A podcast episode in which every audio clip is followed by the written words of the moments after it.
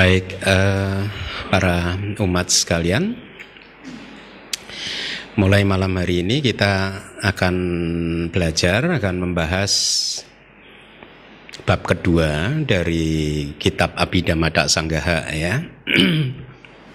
di bab lalu kita sudah belajar tentang kesadaran. Nanti di bab ini kita akan belajar tentang faktor-faktor mental atau bahasa palinya cetasika ya. Jadi kombinasi nanti dari cita dan cetasika ya, campuran gabungan dari cita dan cetasika inilah yang sering Anda dengar sebagai nama ya kan. Eh, apa yang kita sebut sebagai makhluk hidup, sebagai Anda, saya itu sesungguhnya adalah proses nama dan rupa yaitu batin dan jasmani. Nah, sekarang Anda mulai memahami nama dengan baik lagi nih. Bahwa ternyata nama batin itu adalah gabungan dari cita dan cetasika. Ya. E, di bab lalu saya harap Anda masih ingat karakteristik dari cita apa? Wisaya wijanana lakanang citang artinya karakteristik dari cita itu adalah mengenali adanya objek tetapi seperti yang sering kali saya sampaikan, eh, mengenali itu dalam pengertian yang sangat minimal sekali. Cita hanya tahu ada objek. Uh, tetapi dia tidak mengerti, tidak tahu objek itu namanya apa, warnanya apa, bentuknya seperti apa, tidak. Dia hanyalah satu proses kognisi terhadap objek yang paling sederhana. Ya.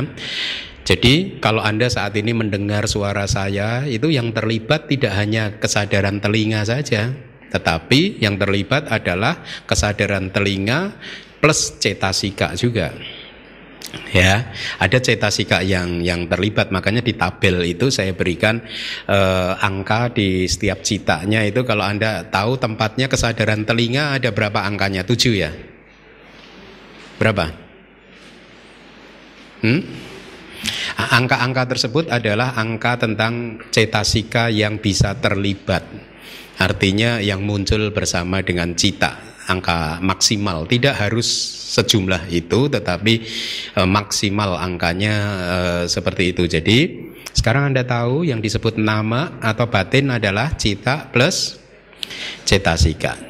Karakteristik dari cita hanyalah mengenali objek, satu proses kognisi yang paling sederhana untuk bisa sampai ke kognisi yang sempurna seperti yang kita alami di dalam kehidupan sehari-hari pada saat kita melihat, mendengar dan berpikir dan lain sebagainya. Maka pada saat itu cita muncul bersama-sama dengan cetasika yang akan kita pelajari di dalam semester ini. Nah, Uh, saya akan sedikit uh, mengulang kembali pelajaran semester lalu. Karakteristik dari cita itu sama di empat tingkatan itu sama artinya empat tingkatan cita. Kita mengenal empat tingkatan cita itu apa saja? kama wacara cita, rupa wacara cita, arupa wacara cita, dan lokutra cita kan. Di semua empat tingkatan ini karakteristiknya cita itu sama. Ya, nanti pada saat belajar cetasika kadang ada di tingkatan tertentu karakteristik tertentu tidak bisa ditemukan. Ya, tapi khusus untuk cita karakteristiknya sama mau kama wacara cita ataupun yang tertinggi lokutra cita karakteristiknya eh, sama nah fungsinya fungsi dari cita jadi begini, kita semester ini akan mulai mempelajari mendefinisikan dhamma, mendefinisikan cita dan juga atau cetasika dengan menggunakan empat alat untuk mendefinisikannya, ya. Yaitu apa? Yang pertama karakteristiknya, Kemudian kita akan juga mempelajari fungsi dari setiap cetasika. E, kemudian kita juga akan mempelajari yang ketiga adalah manifestasi perwujudannya ya. Bagaimana cetasika tertentu itu tampak pada saat kita bermeditasi itu tampaknya seperti apa gitu.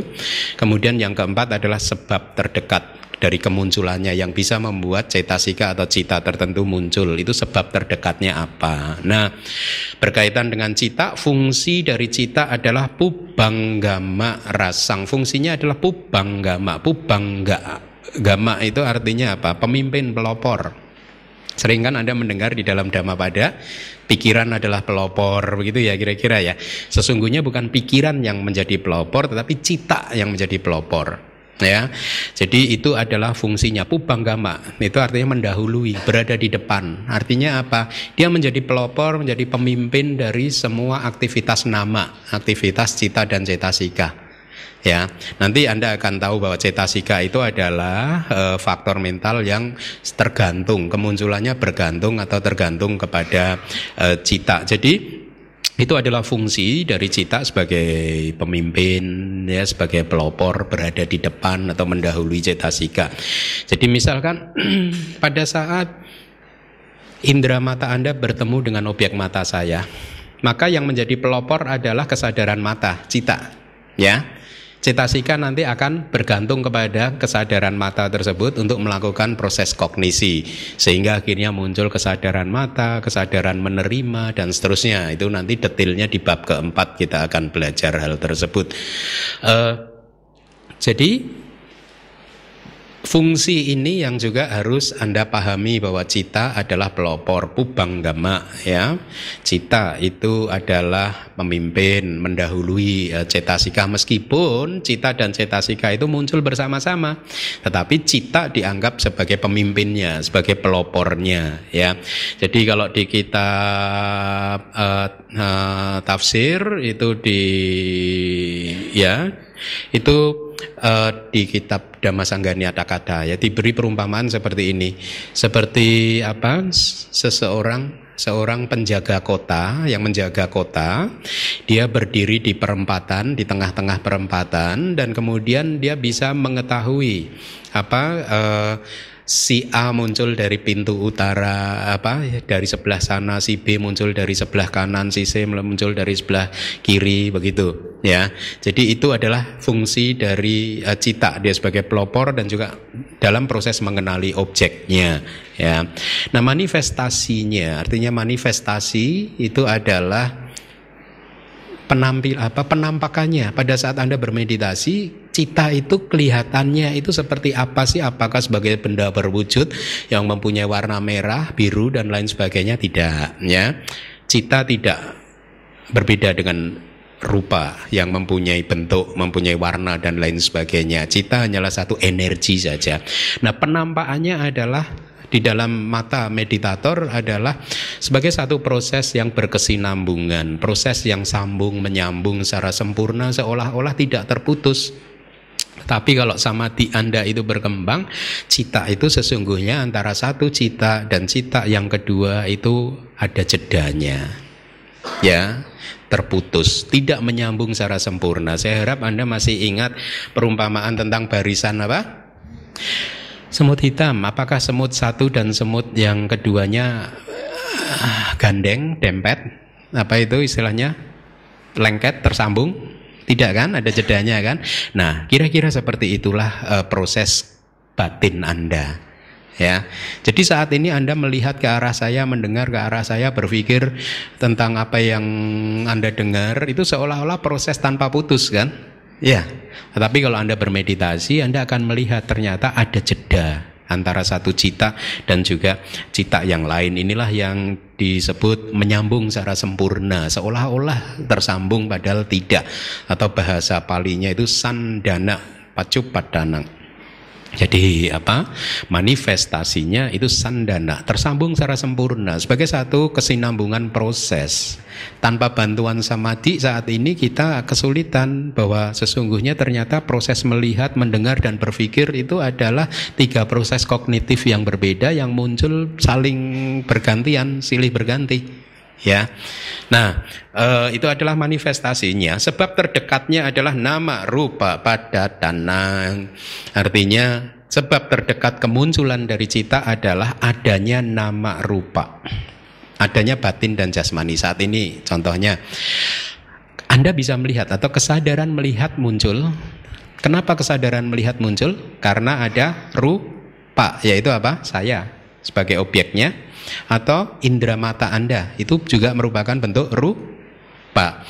Nah, nanti kalau di bab 7, bab 8 Anda akan lebih bisa mengurai lebih dalam lagi. Proses melihat terjadi karena ada cetasika-cetasika tertentu yaitu nama ya, bagian dari nama yang menjadi kondisi atau penyebab munculnya proses melihat atau proses mendengar dan seterusnya. Nah, di makhluk yang mempunyai lima agregat, nah saya tekankan di sini makhluk yang mempunyai lima agregat. Artinya apa? Berarti ada makhluk yang mempunyai empat agregat saja. Ada juga makhluk yang hanya terdiri dari satu agregat. Ya, masih ingat ya?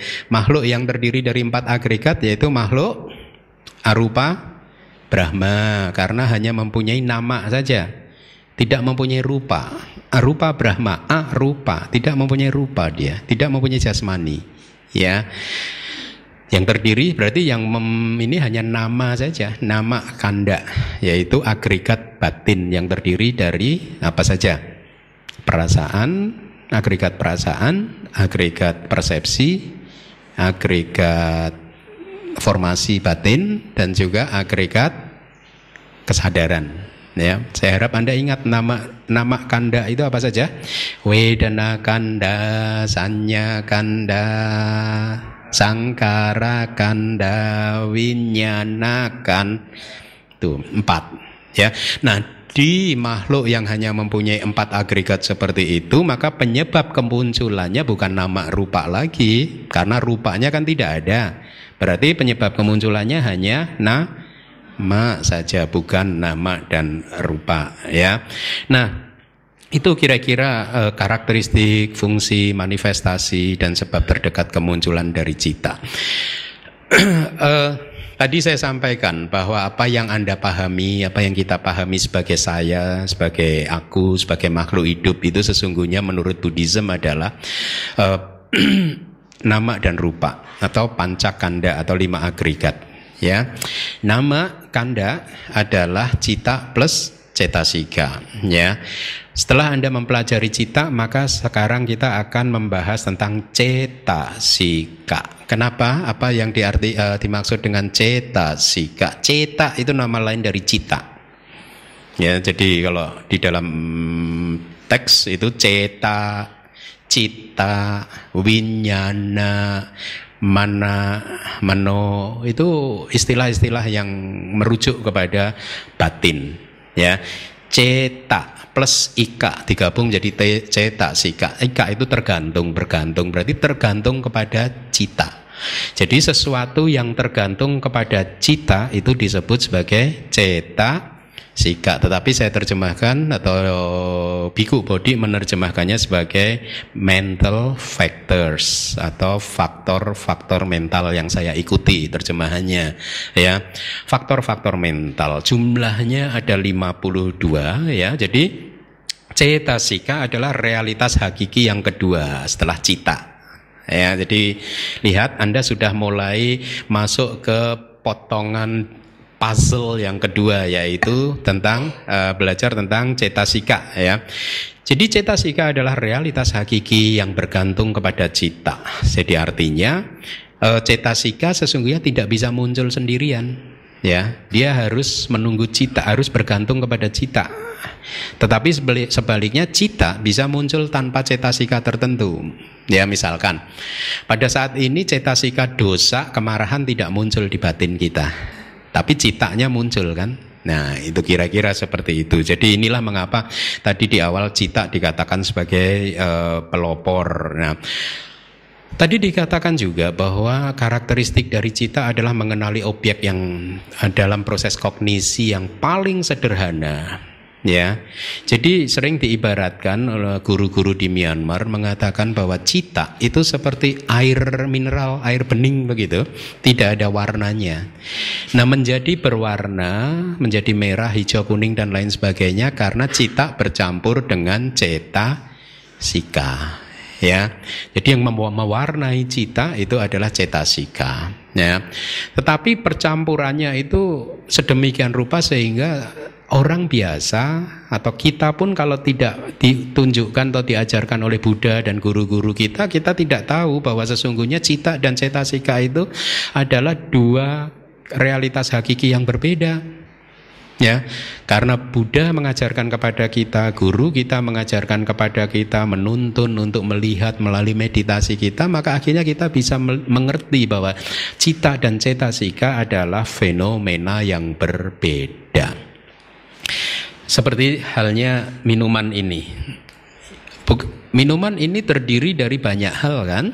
Air yang tidak berwarna, kemudian dengan buah yang berwarna seperti ini. Uh, seolah-olah bercampur sedemikian sempurnanya sehingga sulit sekali buat kita untuk memisahkan air dan warna buahnya. Mudah nggak sih memisahkan ini?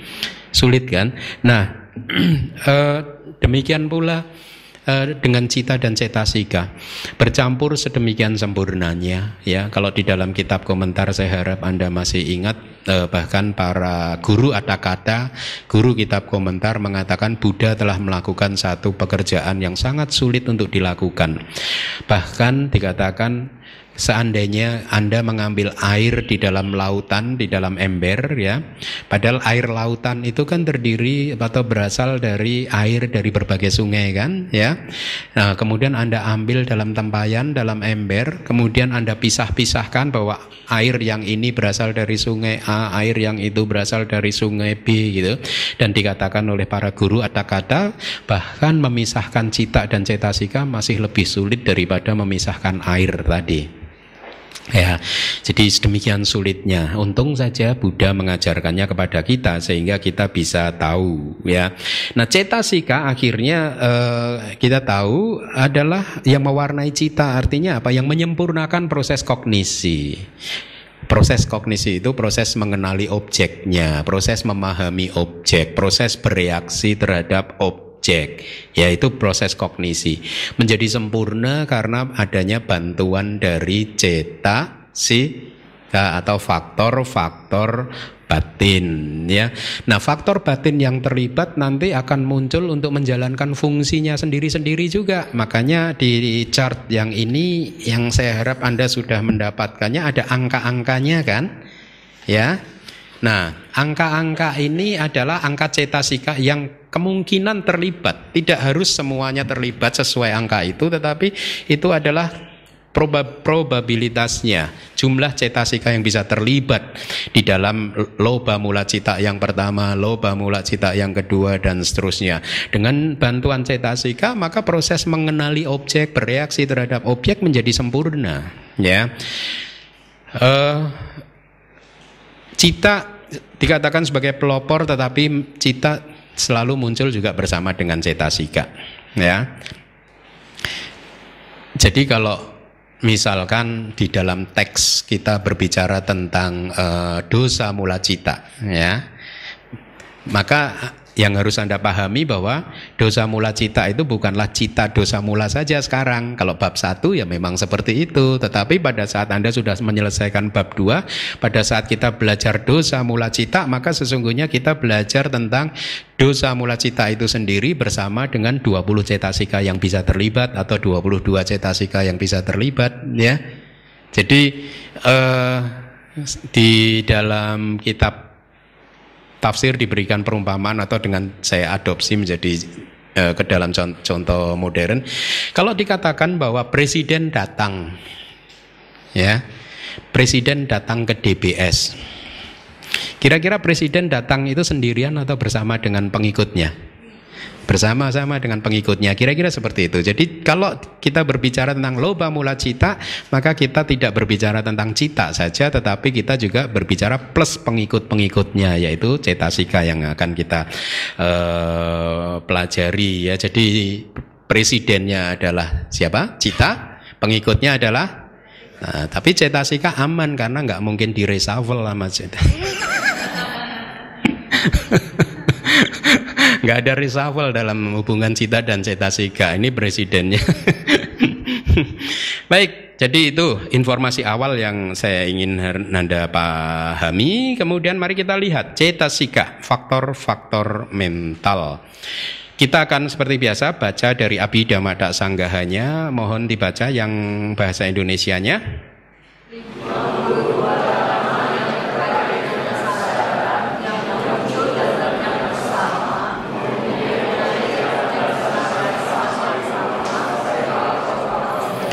Nah, Anda cermati 52 dhamma ya, seperti yang pernah saya katakan kalau kita menemui kata dhamma dengan D kecil ini bisa berarti apa saja. Bisa berarti fenomena, dalam hal ini berarti dhamma ini adalah cetasika ya.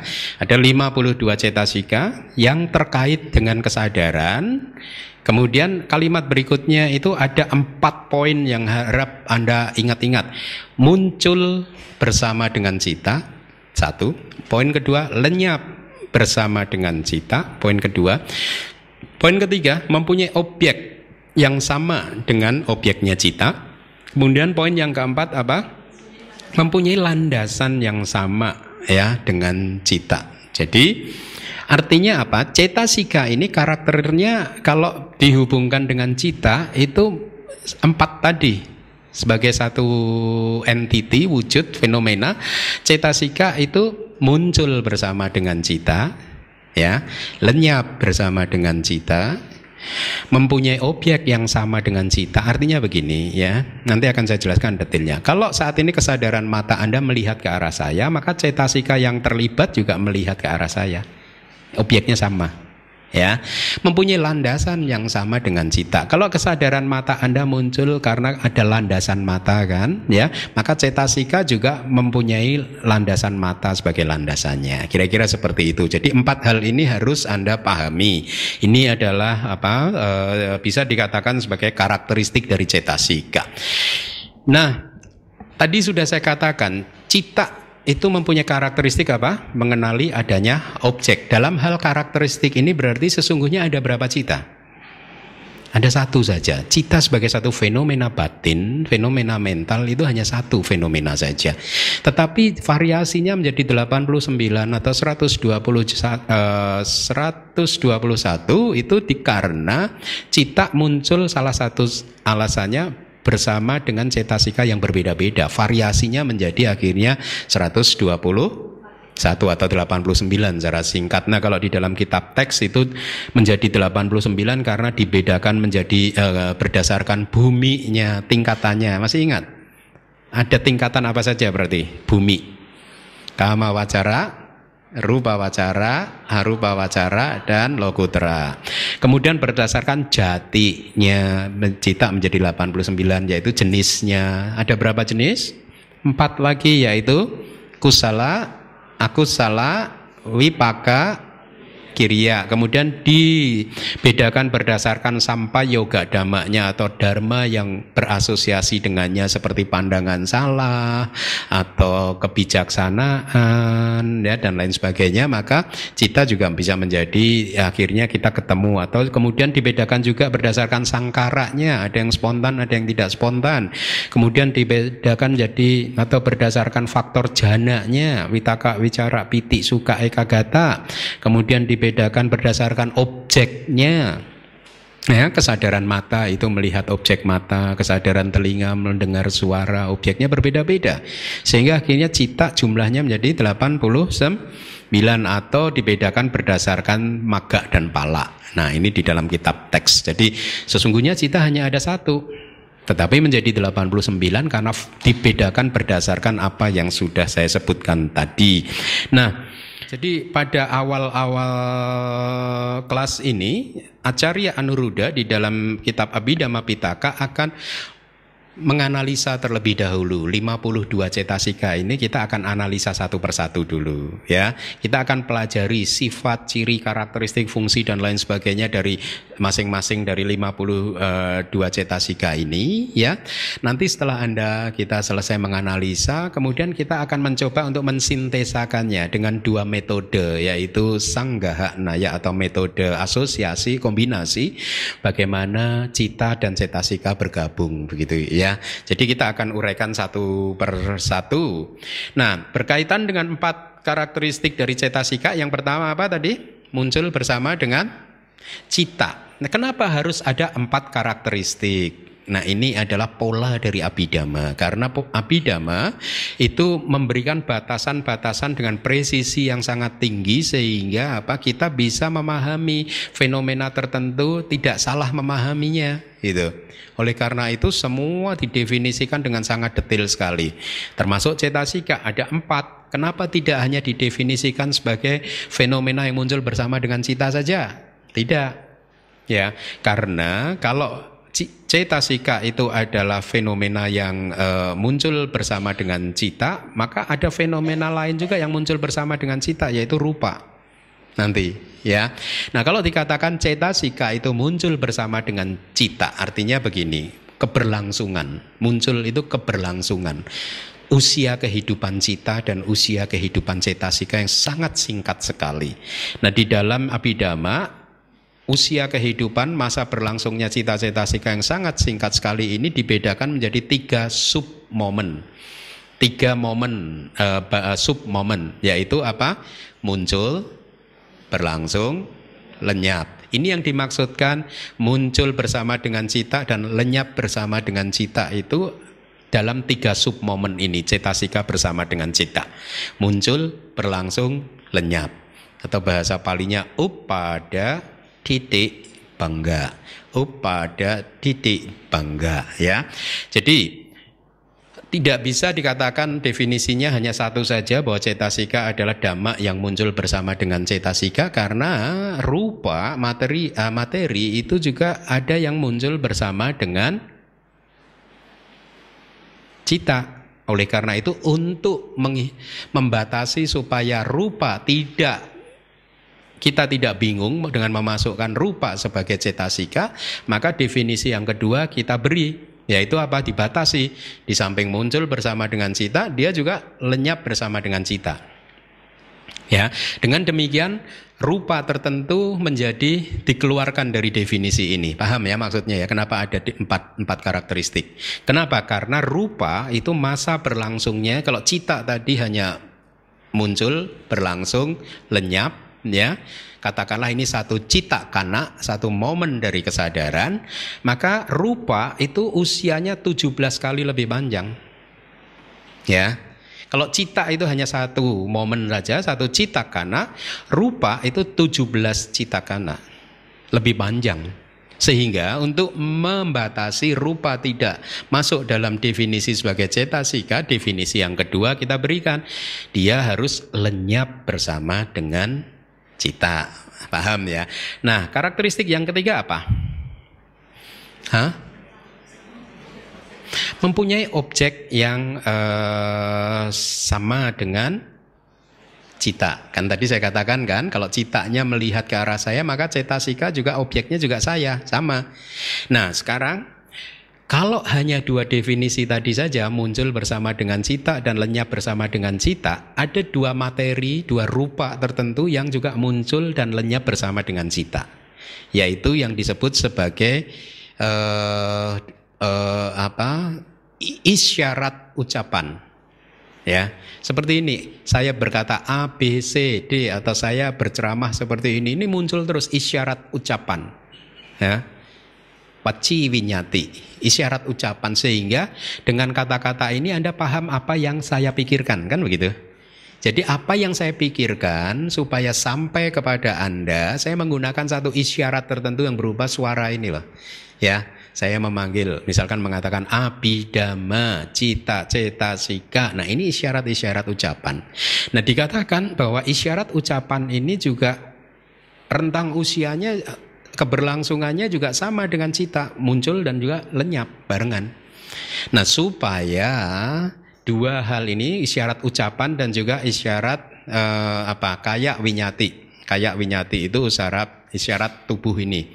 Misalkan saya punya pikiran untuk memanggil Anda, misalkan memanggil Pak Aris ya, pikiran saya supaya Pak Aris tahu bahwa saya memanggil dia, apa yang harus saya sampaikan? Saya harus menggunakan isyarat tubuh sehingga dia paham bahwa saya memanggil dia ya. Jadi ini media dari batin pikiran untuk berkomunikasi dengan dunia luar dengan menggunakan suara atau dengan menggunakan gerakan tubuh. Keduanya bukan satu bentuk nama atau batin. Isyarat ucapan dan isyarat tubuh adalah satu bentuk rupa, materi ya. Nah, usianya juga seperti itu muncul dan lenyap bersama dengan cita. Nah, supaya dia tidak dimasukkan ke dalam kategori sebagai cetasika, maka karakteristik atau definisi yang ketiga diberikan yaitu mempunyai objek yang sama dengan cita. Kenapa? Karena suara tidak mempunyai objek. Yang bisa mempunyai objek adalah na Brahma atau batin, cita dan cetasika. Rupa tidak bisa mengambil objek. Materi tidak bisa mengambil objek. Kenapa?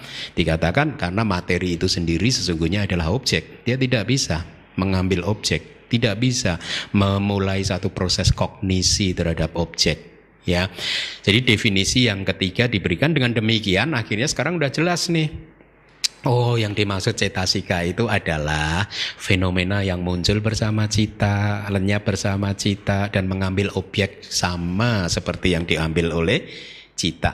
Nah, definisi yang keempat sebenarnya tidak dalam uh, keperluan untuk mengeksklud atau me, me, mengeluarkan uh, apa pun, ya, tapi hanya untuk menambah pemahaman kita supaya lebih akurat lagi Cetasika adalah fenomena mental yang mempunyai landasan yang sama dengan cita. Jadi kalau proses kognisi melalui pintu mata, maka cita dan cetasika landasannya adalah landasan mata. Kalau proses kognisi mendengar suara, maka cita dan cetasika memanfaatkan landasan telinga Anda untuk muncul, ya. Jadi eh, itu pun kalau landasan ini berlaku hanya di alam kehidupan atau di makhluk yang mempunyai materi kan. Kalau di rupa Brahma, arupa Brahma, makhluk yang tanpa materi, cita mereka muncul tidak memerlukan landasan. Kenapa? Karena mereka tidak mempunyai rupa. Landasan itu satu bentuk rupa, satu bentuk materi ya. Jadi di alam arupa Brahma, para Brahma yang mempunyai tidak mempunyai tubuh jasmani, hmm, cita mereka muncul tanpa harus bergantung kepada landasan, ya. Nah, jadi dengan demikian saya harap Anda mendapatkan informasi yang cukup tentang apa itu cetasika, ya. Uh, nanti di bab ke-6 sangat menarik menarik sekali Abhidhamma pada saat berbicara tentang landasan ya. Landasan itu adalah tempat di mana cita dan cetasika itu bergantung muncul ya. Kalau seseorang tidak mempunyai landasan mata maka dia tidak bisa melihat. Hmm? Mau yang dikatakan rohnya apa pun ya dia nggak akan bisa melihat. Kalau huh? Tidak ada aku, jiwa, roh, diri yang bisa melihat tanpa landasan mata. Kalau tidak ada landasan telinga juga nggak ada siapa pun sesakti apa pun bisa mendengar. Nggak bisa.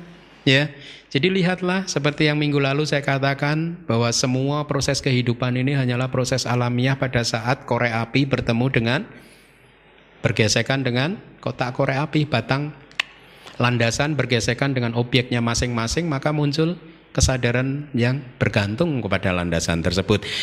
Jadi begitu eh, pemahaman Anda dengan demikian Anda mulai bisa meraba-raba. Oh itu yang dimaksud dengan anatta, ya anatta. Tidak ada diri yang melihat, tidak ada diri yang berpikir, tidak ada diri yang mendengar dan seterusnya. Nah mari kita lihat di dalam teks apa yang kita bisa dapatkan eh, dari kitab tafsirnya. Empat karakteristik dari asosiasi cita dan cetasika itu tadi yang sudah saya uraikan itu disebut sebagai empat karakteristik asosiasi cita dan cetasika. Ya, apa tadi? Muncul bersama dengan cita, lenyap bersama dengan cita, mempunyai objek yang sama dengan cita, kemudian ya bagus. Nah berikutnya tiga Cetasika yang berjumlah 52 itu dibagi menjadi tiga kelompok besar ya. Di dalam tabel 21 itu Anda lihat ada tiga kelompok besar. Kelompok yang pertama adalah faktor-faktor mental umum atau anya semana cetasika. Jumlahnya ada 13 ya nanti kita akan belajar ini semua. Kemudian kelompok yang kedua adalah faktor mental tidak baik. Aku salah cetasika jumlahnya ada 14 Eh, kelompok yang ketiga adalah faktor-faktor mental yang indah atau so benak cetasika jumlahnya ada 25 ya. Eh, jadi Anda lihat itu faktor-faktor mental yang umum ini agak netral ya. Disebut sebagai umum karena dia bisa muncul di kesadaran aku salah, bisa juga muncul di kesadaran kusala. Jadi kayak netral, dia kayak berdiri di tengah-tengah seperti ini ya. Kalau aku salah cetasika, dia hanya muncul bersama dengan aku salah cita. Dia tidak bisa muncul bersama dengan sobana cita. Jadi dia kayak ekstrim kirinya katakanlah begitu. Kemudian sobana cetasika dia hanya bisa muncul dengan sobana cita saja, kesadaran yang indah saja. Dia tidak akan bisa muncul dengan kesadaran aku salah ya. Jadi pengelompokannya sedemikian rupa. Inilah mengapa Abhidhamma sebagai satu kitab yang hanya terdiri dari mungkin 50 halaman kitab kecil saja itu menjadi sangat terkenal kalau di Myanmar atau untuk para pelajar Buddhis uh, pelajar Abhidhamma di dunia ini karena Acarya Anuruddha telah dengan sangat bagusnya mengelompokkan apa yang ada di dalam Abhidhamma, menyingkat ya. Karena eh, komposisi cetasika yang kita pelajari di Abhidhamma Sanggaha itu sebenarnya hanya ringkasan yang di, dilakukan oleh Acarya Anuruddha pengarang bukunya dari meringkas Abhidhamma Pitaka di dalam Dhamma Sanggani Wibangga cetasika tidak diuraikan dengan urutan-urutan yang semudah seperti yang kita temui di dalam Abhidhamma Sanggaha ya. Nah, eh, mari kita lihat lagi 52 cetasika mempunyai karakteristiknya masing-masing. Ya karakteristik individual yang sering saya katakan sebawa lakana. Ya jadi masing-masing dari 52 mempunyai karakteristik juga 52 masing-masing mempunyai karakteristiknya sendiri seperti yang contoh yang saya katakan eh, kalau Anda sudah paham 52 kelereng dengan warna yang berbeda maka Anda akan mudah mengenalinya kan ini kelereng dengan berwarna merah, hijau, biru dan lain sebagainya. Nah, 52 cetasika juga seperti itu. Kemudian sebagian dari mereka itu berasosiasi dengan pasti niata ya dan yang lain tidak pasti. Ini nanti di bagian akhir dari buku atau bab kedua ini. Jadi ada cetasika tertentu ya, dia katakanlah uh, loba cetasika. Dia pasti pada saat loba mula cita muncul, loba cetasika pasti muncul. Tetapi ada cetasika tertentu yang tidak pasti, artinya tidak harus muncul. Ya, misalkan eh, kecemburuan. Kecemburuan itu isa itu adalah cetasika yang mun, eh, berasal dari kelompok dosa cetasika, kelompok kebencian. Jadi kecemburuan ini tidak harus muncul tidak selalu muncul pada saat dosa mula cita muncul. Nah, kira-kira seperti itu ya. Tapi nanti di bagian akhir kita akan bicara detail tentang hal seperti ini. Nah, mari kita lihat jadi dari faktor-faktor mental umum yang tadi jumlahnya 13 dibagi menjadi dua kelompok di tabel 21 lihat dua kelompok sub kelompok yaitu yang satu universal ya Anda lihat Kemudian kelompok yang kedua pakinaka sesekali ya. Nanti Anda akan paham apa arti dari istilah-istilah tersebut.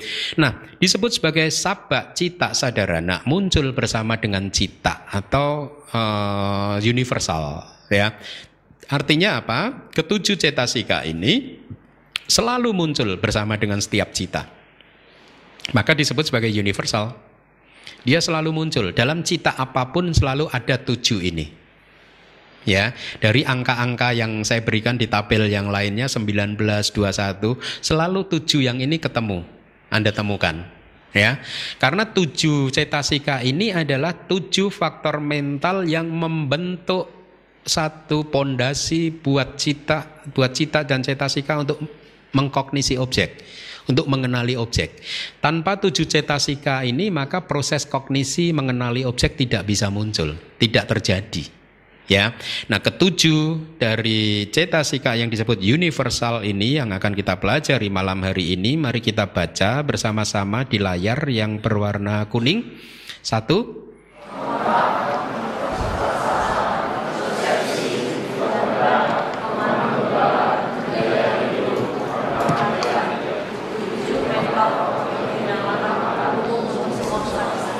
Ya, artinya umum untuk kesad untuk semua kesadaran berarti dia selalu ada di setiap kesadaran. Ya, dia selalu ada. Ya, e, tetapi walaupun saya berikan bahasa Indonesianya, saya harap anda hafalkan juga bahasa Palinya seperti yang ada di dalam tabel. Mari kita baca satu pasa, wedana, sanya, cetana, ekagata. Jiwitindriya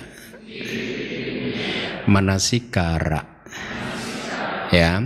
Uh, saya sudah memberikan contoh untuk menghafal dengan lebih mudah di ini ya kemarin ya. Apa? Dengan menggunakan singkatan-singkatan. Ya. Ya, Anda harus hafal. Ini harga mati, nggak bisa ditawar. Pasa, wedana, sanya, cetana, eka kata, jiwit, indriya, dan manasikara. Ya, Anda harus hafalkan palinya. Karena kalau Anda hafal palinya lebih menguntungkan. Kenapa? Karena terjemahan bahasa Indonesia, bahasa Inggris bisa berbeda-beda. Masih lebih untung bahasa Inggris karena ada biku body. Ya, jadi kita semua sekarang referring untuk ininya ke beliau. Ya, ada keseragaman. Ya, tapi kalau anda udah paham bahasa palinya, hafal bahasa palinya itu lebih bagus. Ya, nah Mari kita lihat komentarnya ya. Jadi tadi sudah saya sampaikan faktor mental umum ada 13 dibagi menjadi dua kelompok sub kelompok yaitu yang universal ada tujuh yang akan kita pelajari malam hari ini dan yang sesekali ya minggu depan kita akan pelajari itu. Iya, mungkin ada baiknya Anda mengenal kata palinya ya. Anya semana hanya semana anya itu apa yang lain gitu ya uh,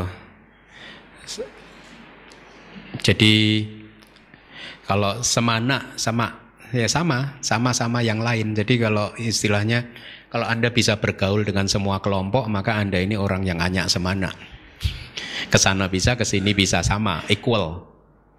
Ya tidak condong ke sini tidak condong ke kanan kira-kira ya itu istilahnya hanya semana. Jadi di sini diterjemahkan sebagai faktor mental umum karena dia bisa muncul hampir dengan semua cita. Khususnya yang universal itu muncul dengan semua cita. Ya, jadi tadi saya katakan bahwa tujuh cetasika tersebut adalah tujuh faktor mental yang sangat penting di dalam proses kognisi kan?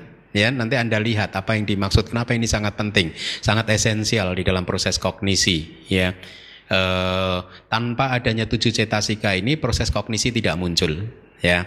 Nah, mari kita lihat yang pertama adalah pasak kontak adalah cetasika yang menyentuh objek definisinya. Menyentuh objek. Jadi saat ini ada pasak cetasika dari kesadaran mata Anda yang muncul bersama dengan cakuk winyanang yang menyentuh ke arah saya.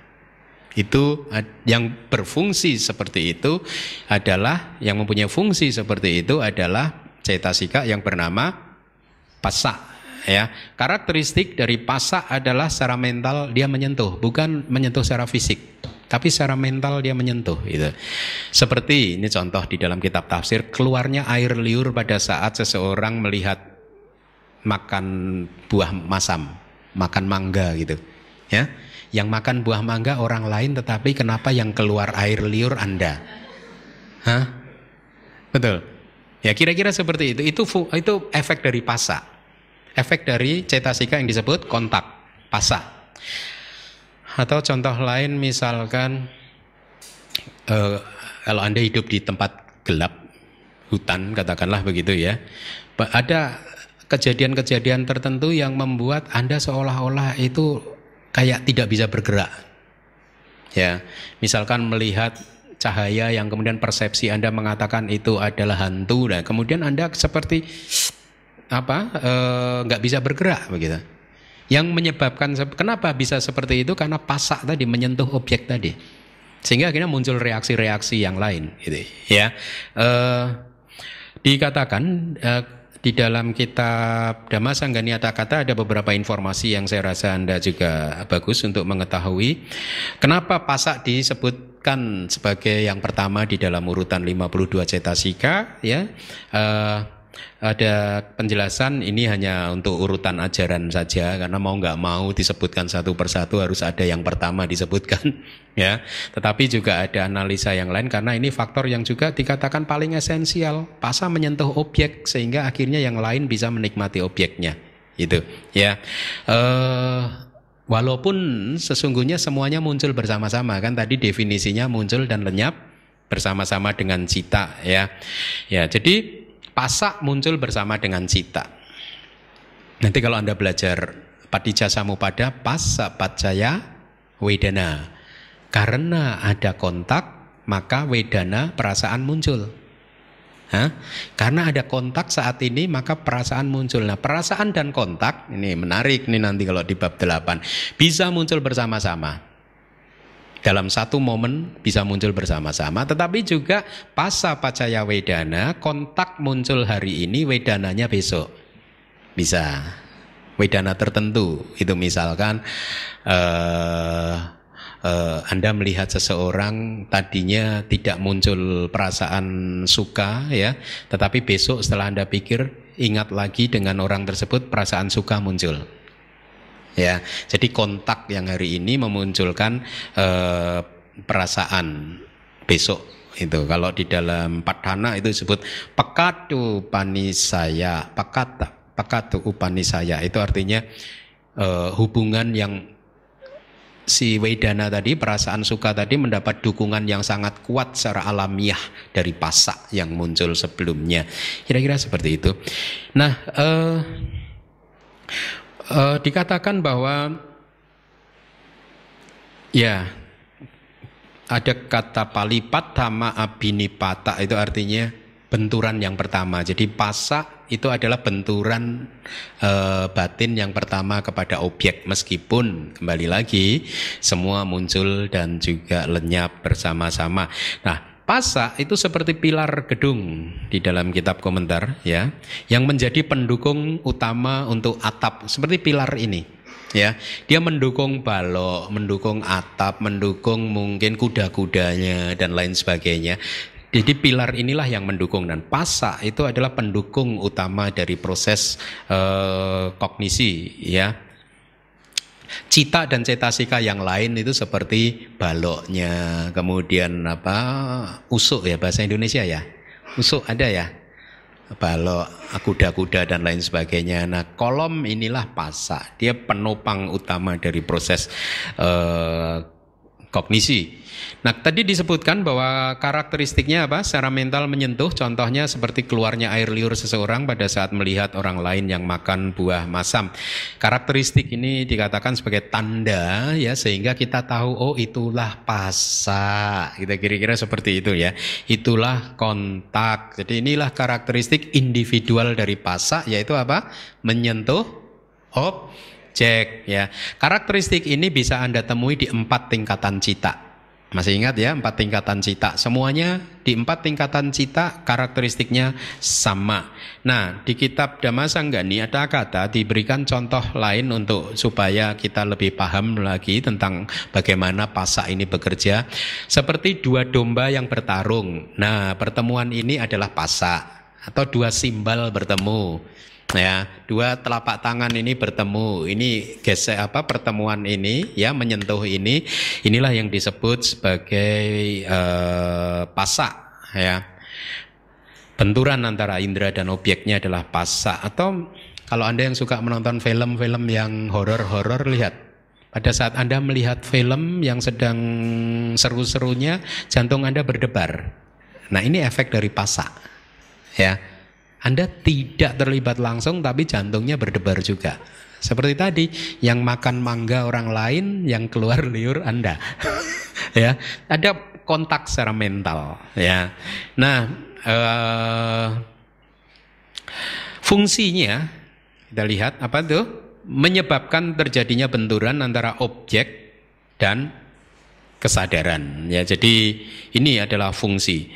Dia hanya muncul, tentu saja hanya muncul di lima pintu indera saja yang membut apa seperti indera mata, telinga, hidung, lidah dan tubuh. Kalau di indera batin, ya fungsi ini tidak muncul karena indera batin tidak menangkap objek yang bersifat uh, material. Dia hanya muncul dari memori masa lalu angan-angan dan lain sebagainya kan? Seperti misalkan anda mengingat-ingat apa yang tadi terjadi tadi pagi itu semuanya proses muncul di indera batin anda di hati anda ya. Jadi tidak ada fungsi pasak yang membentur objek seperti pada saat ini kesadaran mata anda membentur saya sebagai objek mata Anda atau kesadaran telinga Anda membentur suara saya ya fungsi itu tidak ditemukan pada pintu batin ya. Kemudian eh, manifestasinya adalah bersatunya kesadaran landasan dan objek. Ya, jadi ini penting. Bersatunya kesadaran cita, landasan, juga objek. Pertemuan persatuan dari tiga inilah yang disebut pasa. Tinang sanggati pasa. Paso. Ya. Kalau di dalam suta itu bahasanya seperti ini. Uh, cakunca patica rupeca caku winyanang upajati cakunca patica rupeca bergantung kepada caku mata dan juga rupa objek dari mata maka caku winyanang upajati kesadaran mata muncul. Tinang sanggati paso. Ya apa e, bersatunya ketiga hal tadi yaitu apa? Mata objek mata dan kesadaran mata. Inilah pasa ya Uh, tetapi Anda jangan mengartikannya bahwa pasa ini hanyalah istilah untuk bersatunya tiga ini saja. Tapi Anda lebih uh, memahaminya sebagai tiga ini bisa bersatu karena pasa melakukan fungsinya. Ya, begitu ya. Kemudian tadi sampai manifestasi ya, jadi perwujudannya di dalam meditasi Anda ya. Kalau Anda bermeditasi, Anda akan melihat perwujudan dari pasak seperti itu ya uh, efeknya tadi saya katakan di dalam patijak samupada dari pasa akan memunculkan perasaan. Kemudian kita lihat sebab terdekat dari kemunculan pasa adalah objek yang berada di dalam jangkauan landasan. Saat ini Anda tidak bisa melihat orang yang duduk di belakang Anda, padahal orang di belakang Anda itu objek mata loh. Kenapa Anda tidak bisa melihat? Karena berada di luar jangkauan landasan mata anda, ya. Kenapa kita tidak bisa mendengar Pak Satpam yang sedang berbicara di pos Satpam sana? Mereka sedang berbicara mungkin atau suara mobil yang lalu lalang. Kenapa kita tidak bisa mendengarnya? Karena suara tersebut berada di luar jangkauan landasan telinga. Jadi sebab kemunculan pasak adalah harus ada objek yang masuk dalam jangkauan landasan tertentu ya, paham ya? Nah, objek yang di luar jangkauan tidak akan bisa membuat pasak melakukan tidak bisa melakukan fungsinya, ya. Kedua, wedana, perasaan. Definisinya dulu, apa yang disebut sebagai perasaan? Perasaan adalah yang merasakan, mengalami atau menikmati objek. Ya, kelihatan ya. Terbaca nggak yang di sini? Terbaca ya, oke. Okay uh, adalah yang merasakan, mengalami atau menikmati objek. Nah, ini menarik ya, perasaan. Ternyata sekarang Anda paham bahwa perasaan adalah fenomena mental yang berbeda dari pasak, kontak, dari cita ya. Ada berapa jenis perasaan yang sudah Anda pelajari, yang sudah Anda kenal? Hah? Lima, apa saja? So manasa wedana, do manasa wedana, upeka wedana, suka wedana, duka wedana. Suka wedana dan duka wedana atau perasaan bahagia dan perasaan sakit itu adalah perasaan. Duka dalam hal ini uh, merujuk kepada jenis perasaan yang fisikal, yang berkaitan dengan fisik. Ya, seperti misalkan tangan membentur benda keras ini kalau terlalu keras akan muncul rasa sakit, itu duka wedana. Ya, jadi kata duka bisa bermakna macam-macam tergantung pada konteksnya. Nah, karakteristiknya e, merasakan itu sama di semua tingkatan cita, empat tingkatan cita karakteristiknya sama. Jadi walaupun dhamma cetasika yang muncul bersamanya juga merasakan objek ya, tetapi mereka hanya merasakan sebagian saja tidak seperti wedana. Jadi dikatakan yang merasakan objek secara penuh itu adalah wedana. Diberi perumpamaan seperti wedana ini seperti seorang raja yang menikmati makanan yang dimasak oleh juru masaknya. Juru masak istana pada saat mempersiapkan makanan, dia memasak makanan, dia mungkin kadang harus mencicipi makanannya sedikit kan untuk memastikan supaya tidak terlalu asin, pedas dan lain sebagainya, apakah bumbunya sudah pas begitu. Pada saat dia mencicipi dia tidak bisa mencicipi satu piring kan. Dia mencicipinya mungkin dengan jari saja sedikit saja ya, tapi kemudian setelah makanan dipastikan enak, maka dia akan mempersiapkan makanan sedemikian rupa dengan penampilan yang menarik untuk dipersembahkan kepada raja dan kemudian hanya raja yang menikmati makanan itu secara penuh. Dan inilah karakteristik dari Wedana ya. Seperti itu merasakan objek secara penuh. Meskipun pasak kontak juga merasakan objek tetapi dia hanya seperti mencicipi tadi merasakan sentuhan objek saja sebentar saja. Tetapi yang merasakan keseluruhannya uh, suasana hati yang kemudian menjadi terlibat menjadi suka tidak suka senang tidak senang itu Wedana. Ya. Uh, Tadi dikatakan karakteristiknya adalah e, merasakan itu ada di semua tingkatan, empat tingkatan cita, fungsinya menikmati, anu bawa nak rasa, menikmati objek. Ya, jadi e, e, kalau kita bicara tentang kata menikmati, jangan kemudian berpikir oh berarti wedana hanya menikmati objek yang enak saja ya. Berarti yang tidak enak tidak menikmati dong. Itu kan kita, pengertian duniawi ya. Tetapi dalam konteks pengertian yang hakiki, kebenaran hakiki ini, Wedana ini menikmati objek. Kalau objeknya tidak enak ya yang muncul kan domanasa Wedana kan? Ya dia tetap menikmati dalam pengertian tetap uh, menikmati objek secara penuh ya. Uh, kemudian manifestasinya adalah kepuasan dari faktor-faktor mental karena Wedana sudah menikmati objek secara penuh, akhirnya faktor mental yang lain juga uh, seolah-olah merasa puas. Ya, jadi lihat Wedana ini di dalam Buddhism menempati posisi yang sangat vital sekali karena dari Wedana inilah dari perasaan inilah reaksi kita muncul sesungguhnya. Kita bereaksi terhadap Wedana ini, ya. Dan reaksi itu adalah biasanya kalau kita makhluk yang belum tercerahkan reaksi kita terkondisi ya terkondisi oleh pengalaman-pengalaman masa lalu kita ya. Kalau obyeknya menyenangkan kita melekatinya. Kalau obyeknya tidak menyenangkan kita marah. Itu kan kondisi kebiasaan-kebiasaan kita masa lalu ya. Uh, kemudian sebab terdekatnya adalah ketenangan ya. Jadi kalau Anda nanti kesulitan menghafalkan empat alat untuk mendefinisikan cetasika ini, ya jangan patah semangat. Cukup Anda pahami mungkin karakteristik atau fungsinya. Itu sudah cukup membantu untuk meditasi Anda, ya. Minimal karakteristik satu karakteristik atau fungsi Anda hafalkan. Ya. Dan itu sangat membantu, tidak hanya membantu meditasi Anda, tetapi juga membantu Anda di dalam kehidupan Anda sehari-hari, ya supaya Anda tidak mudah terjebak oleh kilesa-kilesa Anda. Yang ketiga adalah persepsi sanya ya. Definisinya adalah yang mencatat objek sebagai biru, kuning, merah dan lain sebagainya itu sanya. Sanya itu adalah faktor mental yang membuat Anda tahu saya adalah asin keminda. Ya. Sanya adalah faktor mental yang membuat Anda tahu ya apa pun Anda bisa mempersepsikan sesuatu apa pun itu ya. Jadi karakteristik dari sanya adalah mencatat. Jadi dikatakan mencatat seperti ini.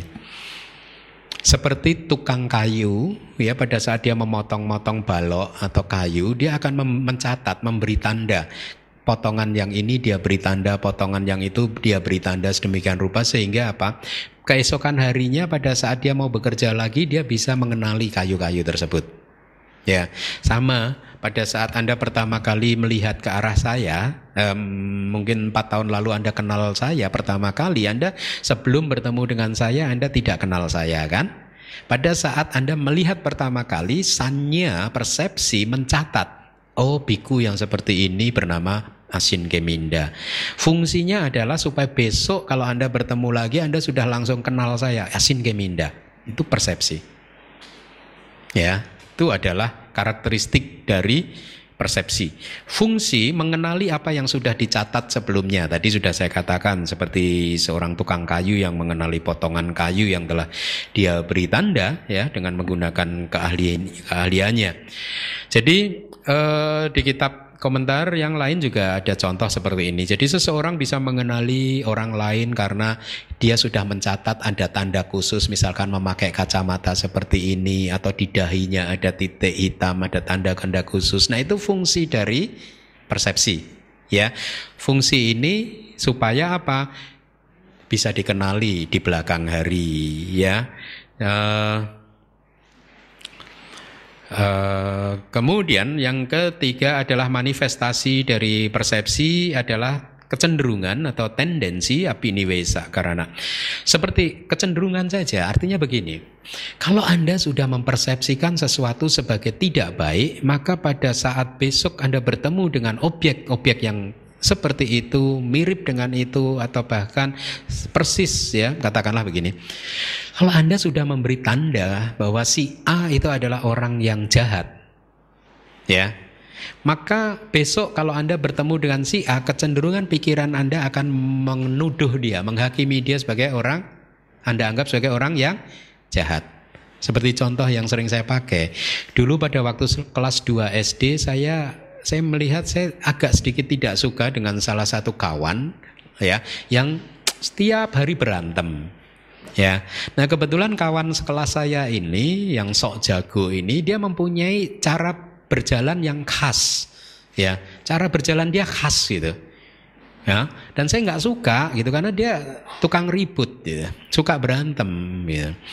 Nah, tanpa saya sadari pada saat saya beranjak remaja, saya melihat seseorang dengan cara jalan yang mirip dengan dia, langsung loh saya nggak suka sama dia. Itu persepsi, ya. Karena persepsi sudah memberi tanda seseorang yang jalannya seperti ini pasti dia tukang berantem, tukang ribut, nggak baik. Saya nggak suka, saya tolak. Jadi apa pelajaran yang bisa kita dapat dengan penjelasan saya ini? Pelajaran yang bisa kita dapat adalah hati-hati persepsi Anda bisa salah. Paham? Persepsi bisa salah, sanya bisa salah. Inilah mengapa kalau ada dua orang melihat sesuatu yang sama diminta pendapatnya bisa jadi pendapatnya berbeda. Betul tidak? Hmm? Ya betul ya. Meli hal yang dilihat sama, dialami bersama-sama, begitu ditanya kesannya bisa berbeda-beda ya karena persepsi itu tidak bisa dipercaya terdistorsi buat seseorang yang masih belum tercerahkan persepsinya masih terdistorsi Sanya wipalasa menganggap sesuatu sebagai kekal, penuh kebahagiaan, ada diri, indah dan lain sebagainya. Ya, itu yang disebut terdistorsi. Nah, manifestasinya kecenderungan seperti orang buta melihat seekor gajah ya dia akan mendefinisikan sesuai dengan keterbatasannya, betul tidak? Ya, e, jadi kalau orang buta melihat gajah, kalau yang yang dia pegang adalah ekornya, maka pada saat ditanya gajah itu seperti apa? Seperti cambuk katakanlah ya. Kalau yang dipegang itu perutnya, Berarti gajah itu seperti apa? Seperti kendang ya. Kalau yang dipegang itu kakinya? Huh? Gajah itu seperti apa? Jadi alat penumbuk kalau di dalam kitabnya. kalau alat penumbuk padi gitu. Jadi lihat, persepsi kita tidak bisa dipercaya. Jangan terlalu percaya pada persepsi kita. Dengan demikian kita bisa make peace dengan setiap pengalaman kehidupan ya tidak menjadi korban dari persepsi kita yang sering kali hanya menjadi awal dari kemunculan reaksi-reaksi yang negatif. Nah, eh, kenapa persepsi ini tidak bisa dipercaya? Karena biasanya persepsi itu muncul dari masa lalu seperti saya tadi. Pada saat remaja saya bertemu dengan seseorang yang belum pernah saya kenal sama sekali.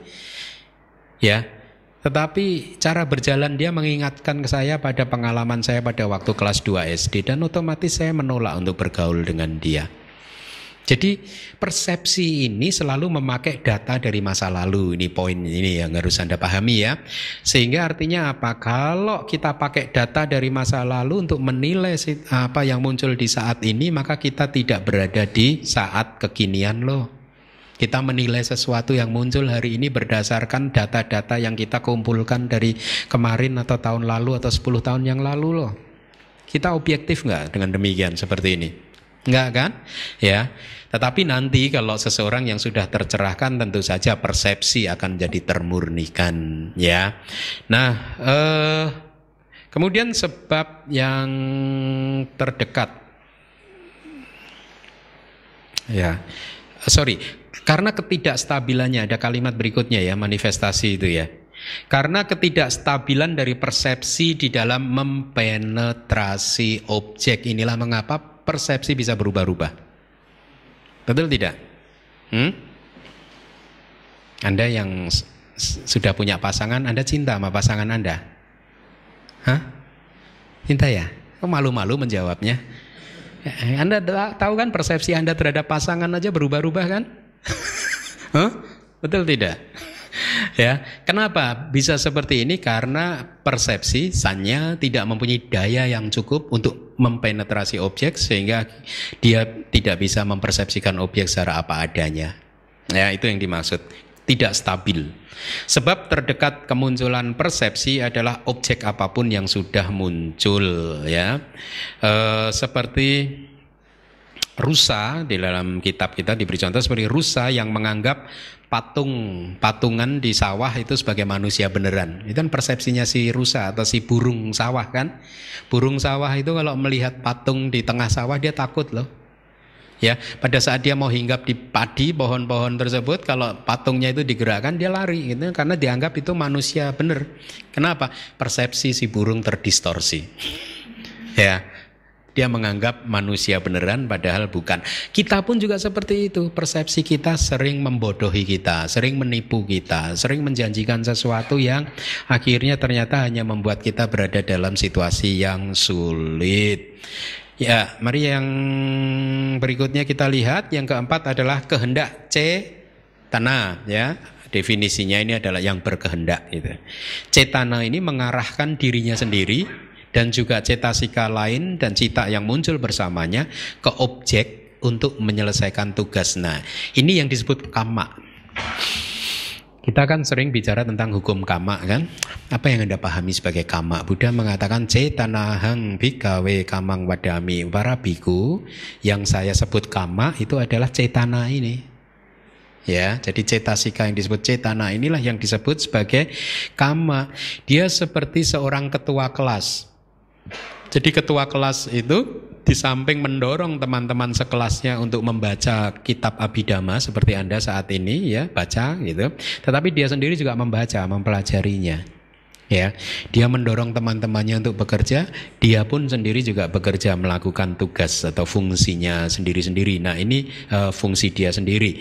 Karakteristik dari cetana adalah uh, berkehendak, mempunyai niat, berkehendak untuk melakukan sesuatu, ya. Eh, kadang kalau di dalam patijak samupada cetana ini ada disebut mempunyai istilah khusus sangkara ya. Awija pacaya sangkara. Karena ketidaktahuan maka sangkara muncul. Artinya kama muncul cetana muncul ya. Jadi itu nama lain dari cetana. Kemudian karakternya adalah berkehendak, berniat, tetapi seperti ketua kelas tadi yang uh, dia belajar untuk dirinya sendiri, tetapi juga mengingatkan teman-teman lain untuk juga ikut belajar. Sama, cetana juga seperti itu. Kalau cetana ini mempunyai niat untuk datang ke Dhamma Wihari, ya, maka dia juga mendorong cetasika yang lain untuk juga datang ke Dhamma Wihari. Kira-kira seperti itu, yaitu karakteristiknya. E, koordinasi, dia mengkoordinasikan cita-cita sika yang lain supaya apa yang dia inginkan itu tercapai, ya. Dan karakteristik yang seperti itu bisa ditemui di semua empat tingkatan cita. Ya. Kemudian fungsinya adalah mengakumulasi kama, mengumpulkan kama. Itu saya rasa mudah ya. Tetapi tentu saja fungsi ini hanya berlaku pada saat cetananya muncul bersama dengan kusala cita atau akusala cita. Pada saat cetana itu muncul di wipaka cita, dia tidak berfungsi untuk mengakumulasi kama. Karena wipaka bukan kama, resultan bukan kam Ma, kalau dia muncul di kiriya cita, dia juga tidak berfungsi untuk mengakumulasi kam, ma karena kiriya itu bukan kam, Mak yang disebut kama hanyalah yang muncul bersama dengan kusala cita, maha kusala cita 8 dan 12 aku salah cita ya. E, itu adalah fungsinya. Jadi cetana ini dikatakan sangat energetik ya. Dia sangat bersemangat dia melakukan pekerjaannya sendiri, mendorong cetasika yang lain juga untuk melakukan pekerjaannya sesuai yang dia niatkan, dia inginkan ya. Jadi seolah-olah dia melakukan dua kali kerja, dua kali usaha, maka dikatakan di dalam kitab komentar sebagai cetana yang sangat energetik. Ya, sangat apa? Uh, bersemangat. Itu. Dua kali kerja tadi mendorong dirinya sendiri dan juga mendorong teman-temannya atau cetasika yang muncul bersamanya dan cita yang muncul sebagai tempat dia bergantung ya. Jadi ada juga di dalam contoh seperti ini. Uh, uh, ada seorang tuan tanah yang membawa 55 pekerja, angka 55 ini adalah angka simbolik yang menunjukkan kepada cetasika damak-damak yang bisa bergabung bersama dengan cetana ya, ke kebun untuk berpanen, untuk memanen ya. Dia sendiri bekerja keras untuk memanen tanamannya ya, melipat gandakan tenaga dan usahanya sambil berkata, "Ayo kamu juga ambil sabit kamu, ini dipotong, ini dipanen dan lain sebagainya." Nah, kira-kira cetana itu seperti itu. Saya ingin ke Damawihari Wihari, ayo kamu segera ke Dhamma Wihari Wedana. Nah, pasak kamu juga harus uh, mari kita ke Dhamma Wihari. Dia mendorong pasak Wedana dan lain sebagainya untuk akhirnya bisa mencapai apa yang menjadi tujuan dari cetana tadi. Kemudian manifestasinya perwujudannya mengarahkan di dalam meditasi tampak seperti energi batin yang mengarahkan yang lain ya. Uh, Ya. Manifestasi ini mengarahkan ya seperti tadi ketua kelas mengarahkan teman-teman kelasnya untuk ikut belajar kan atau seperti kepala tukang kayu katakanlah mandor dia mengarahkan tukang-tukang yang lain ya untuk melakukan pekerjaannya supaya tujuannya membangun rumah itu tercapai atau seperti jenderal perang ya di dalam kitab juga diberikan contoh seperti itu. Dia maju ke medan perang tetapi dia juga menyemangati pasukannya untuk terus maju di medan perang. Itulah uh, manifestasi dari uh, cetana. Sebab terdekat kemunculan dari cetana adalah dhamma yang berasosiasi dengannya. Cetasika yang yang berasosiasi dengannya, yang muncul bersama-sama dengannya. Ya. Kemudian yang kelima adalah ekagata, kemanunggalan cita. Cita sa ekaga bawa, kemanunggalan cita. Ya. Ini adalah nama lain dari samadhi. Kalau seseorang mencapai jana, sesungguhnya faktor yang paling penting adalah ini, ekagata. Ekagata dia sudah berkembang secara maksimal, secara sempurna, maka seseorang mencapai jana. Ya. Jadi samadhi, kalau kita bicara samadhi, sesungguhnya kita berbicara tentang faktor mental cetasika yang disebut ekagata. Kemanunggalan. Jadi diberi contoh seperti ini. Tepung kalau nggak ada air, belum diberi air, tepung itu kan tercerai berai kan butirannya kan. Pada saat dia diberi air, maka dia akan manunggal menjadi satu. Cita dan cetasika kita saat ini tercerai berai. Betul tidak? Makanya sulit untuk mencapai samadhi. Karena cita dan cetasikanya tercerai berai. Belum dikumpulkan oleh air yang disebut ekak kata. Ya, menarik ya. Uh, Ya, samadhi ini saya terjemahkan sebagai ketenangan ya karena ternyata makna dari samadhi itu ketenangan pada saat air ini diam, tidak bergerak, ini kan masih bergerak. Samadhi belum muncul. Kalau dia berhenti seperti air ini dia tenang seperti itu, maka itu samadhi. Bukan konsentrasi. Kata konsentrasi kadang sangat misleading. Ya, karena membuat seseorang harus memelototin objeknya gitu ya membuat ada perjuangan yang terlalu keras untuk membuat seseorang terkonsentrasi. Tetapi sesungguhnya enggak, samadhi ketenangan yang harus dilakukan kalau Anda ingin mencapai samadhi apa? Relax. Makanya di dalam meditasi setiap hari Sabtu saya suruh apa? Saya minta kita ayo kita belajar relax. Tenang supaya airnya ini lihat nih, begitu dia tenang didiemin tidak bergerak. Sama, kalau kita meditasi mengamati nafas masuk dan nafas keluar, ya definisi konsentrasi kadang bisa salah ditafsirkan seolah-olah kita harus mengeluarkan usaha terlalu keras untuk mengamati nafas masuk dan nafas keluar maka yang terjadi malah apa? Udaca gelisah bergejolak dan lain sebagainya. Loba mula cita dosa mula cita muncul. Tetapi kalau kita relax relax relax akhirnya kita mencapai ketenangan mencapai samadhi ya. Nah Uh, karakteristik dari Eka kata adalah kepemimpinan dan ketenangan atau tanpa tercerai-berai tadi sudah saya katakan ya. Kepemimpinan dan ketenangan. Jadi seperti air yang mem mempersatukan butiran tepung tadi dia membuat butiran tepungnya bersatu ya. Uh, tanpa tercerai-berai, tidak tercerai-berai itu yang dimaksud ya. Uh, di kitab komentar juga diberi contoh seperti nyala api lampu, lampu minyak, ya. Pada saat Anda menyalakan lampu minyak, uh, api, apinya dari lampu minyak tersebut, pada saat tidak terkena angin, apinya diam, tenang kan? Itu samadhi. Kalau bergerak sedikit, berarti sam, bukan samadhi. Jadi Anda sudah dapat clue-nya ya sekarang bermeditasi untuk mencapai samadhi bagaimana? Membuat api dari lampu minyak diam seperti pada saat dia tidak ada angin yang menghembusnya. Itu samadhi. Ya. Uh, ya dikatakan kenapa seseorang yang berada di dalam jana maka uh, dia bisa berada di dalam jana selama tiga jam, empat jam, lima jam atau lebih ya maka pada saat itu yang terjadi sesungguhnya cita misalkan kesadaran jana tertentu muncul lenyap muncul lenyap ya selama empat jam tetapi dia mengambil objek yang sama terus selama empat jam konsep yaitu nimitanya gitu ya. E, kemudian fungsinya mempersatukan dhamma yang muncul bersamanya atau cetasika yang muncul bersamanya seperti air tadi mengadon tepung e, menjadi apa pasta ya. Ini dari kitab tafsirnya.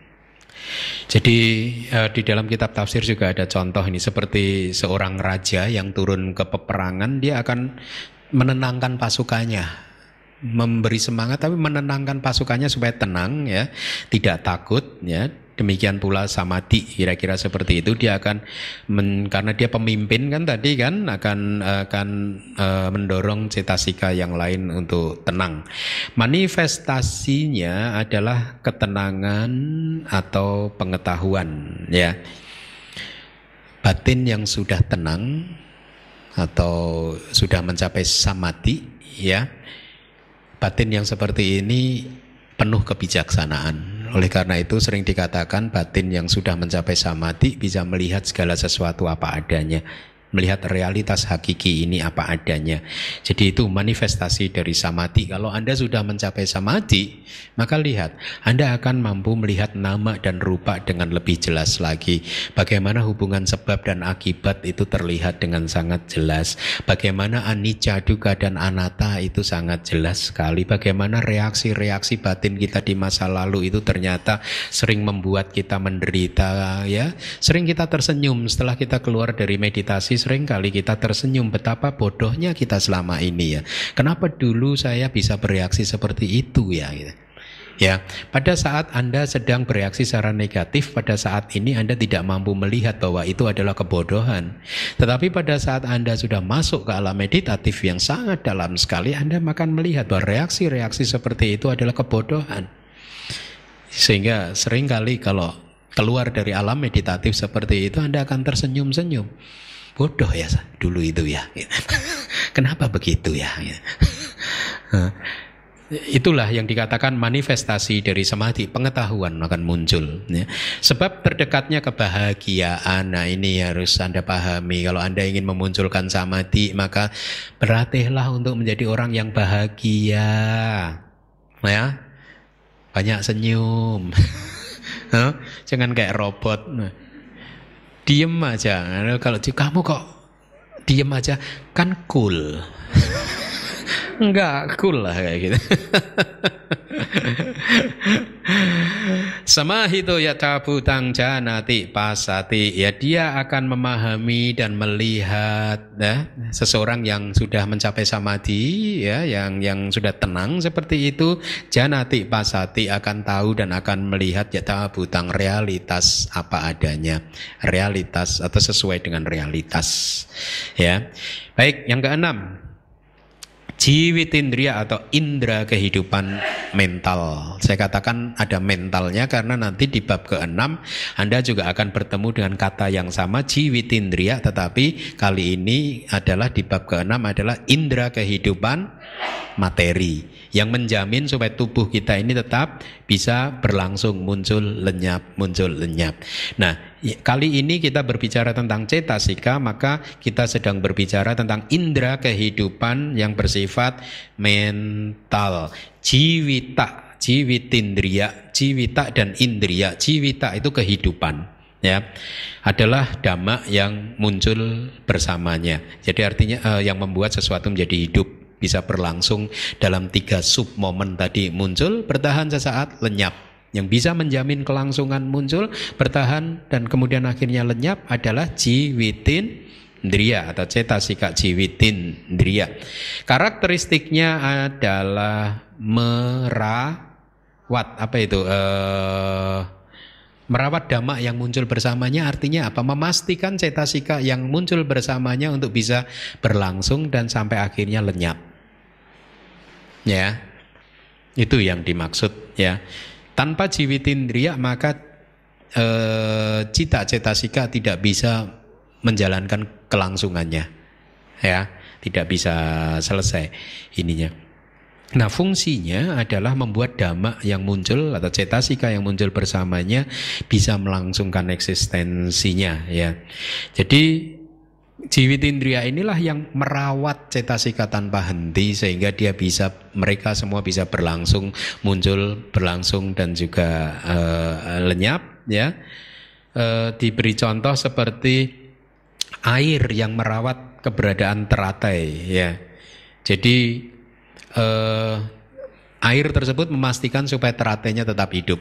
Jiwit indria memastikan cetasika yang lain tetap hidup muncul berlangsung lenyap Ya, nah eh, dikatakan hanya merawat saja ya, bukan menyebabkannya muncul, karena penyebab kemunculan dari cetasika adalah faktor yang lain.